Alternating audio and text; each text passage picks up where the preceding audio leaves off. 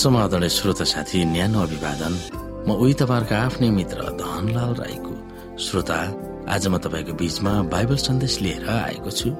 आजको बाइबल सन्देशको शीर्षक रहेको छ मोसाको पुनरुत्थान। मोसा भौतिक शरीरमै पुनरुत्थान भएका थिए भनेर हामी विभिन्न पदहरू हेर्न सक्छौ र ती पदहरूले हामीलाई कसरी पुष्टि गर्दछ मुख्य स्वर्गदूत मिखाइलले पनि मोसाको लासको बारेमा शैतानसँग तर्क गर्दा त्यसलाई निन्दा गरेर दोष लगाएनन्। खालि तलाई प्रभुले झपार्नुहुन्छ भने। श्रोता आउनुहोस् हामी योद्धा नौ अध्यायलाई अध्ययन गरौँ। योद्धा नौ अध्यायको अठाइसदेखि हामी हेरौँ। यी कुरा भनेको प्राय एक हप्तापछि पत्रुस योहना र याकुबलाई लिएर यसु पहाडमा प्रार्थना गर्न जानुभयो। उहाँले प्रार्थना गरिरहनु भएको बेलामा उहाँको अनुहार भिन्नै भयो र उहाँको लुगा सेतो र चहकिलो भएर आयो। एकासी दुईजना मानिस देखा परे र यसुसँग कुरा गर्न लागे। उनीहरू मोसा र इलिया थिए। उनीहरू पनि स्वर्गको उज्यालोमा चम्किरहेका थिए र एरिसलेमा यसु मर्नुपर्ने बारेमा उहाँसँग कुरा गर्दै थिए। पत्रुस र उनका साथीहरू मस्त निधाएका थिए। बिउजदा त तिनीहरूले यसुलाई स्वर्गको चहकिलो उज्यालोमा ती अरू दुईसँग कुरा गरिरहनु भएको देखे। ती दुई यसुसँग विदा हुन आँट्दा पत्रुसले भने गुरु हामी पनि यहाँ भएको त राम्रो भएछ। यहाँ तीनवटा छाप्रो बनाऊ एउटा तपाईँलाई एउटा मोसालाई र एउटा एलियालाई। तर उनलाई आफूले भनेको कुराको ख्यालै थिएन। पत्रुस बोल्दा बोल्दै एउटा बादल आएर उनीहरूलाई ढाक्यो अनि चेलाहरू डराए। त्यतिखेर बादलभित्रबाट यस्तो आवाज आयो यिनी मैले छानेका मेरा पुत्र हुन्। यिनले भनेको तिमीहरूले मान त्यो आवाज रोकिएपछि चेलाहरूले यसोलाई मात्रै देखे। त्यस बेला चेलाहरूले आफूले देखेका कुरा कसैलाई पनि बताएन श्रोता मिश्र देशको अलेक्जान्ड्रियामा ग्रिक इसाई अगुवाहरूले मोसाको मृत्युको बारेमा फरक तर्क गरेका थिए। जब मोसा मरे तब दुईजना मोसा एउटा मर्दा आत्मिक रूपमा जीवित थिए भने अर्को भौतिक रूपमा मरेका थिए। एउटा मोसा चाहिँ स्वर्गमा गएर स्वर्गदूतसँग रमाइरहेका छन् भने अर्को मोसा चिहानमा गाडिएको छ। ग्रिक र अरू धर्म दर्शनका मानिसहरू जसले आत्मा अमर छ भन्ने कुरामा विश्वास गर्छन्। तिनीहरूको निम्ति दुई मोसाको धारणा ठिकै लाग्छ होला। तर यो धारणा सरासर बाइबलको विपरीत छ। मोसाको शरीरको पुनरुत्थानको बारेमा बाइबलले सिकाएको शिक्षालाई यहुदा नौले अनुमोदन गरेको छ। त्यसबेला मिखायल वा यशु र शैतानको बीचमा मोसाको भौतिक शरीरको विवाद चलेको थियो।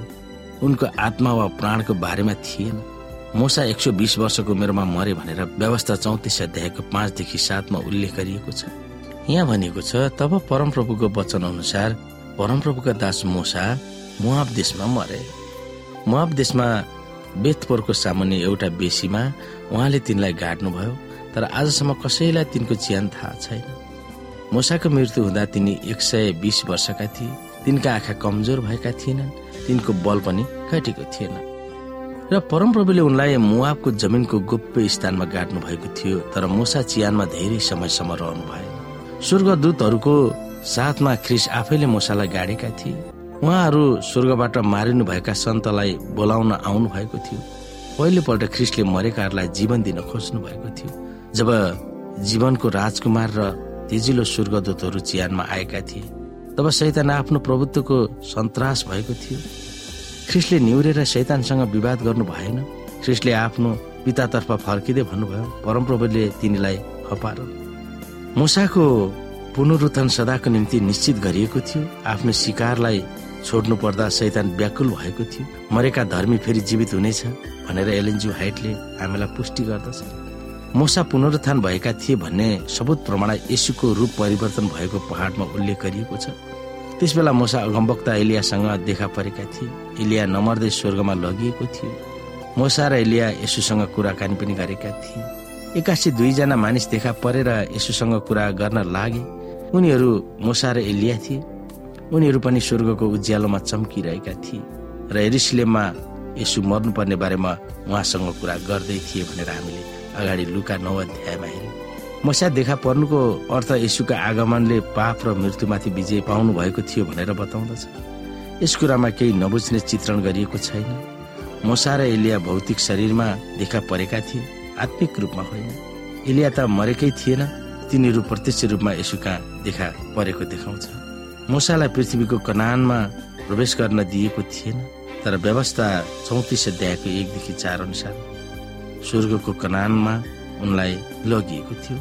यसले हामीलाई यो सिकाउँदैन र हामीभित्र काम गर्ने शक्तिद्वारा हामीले मागेको र सोचेको भन्दा प्रशस्त मात्रामा दिन सक्नुहुन्छ उहाँले।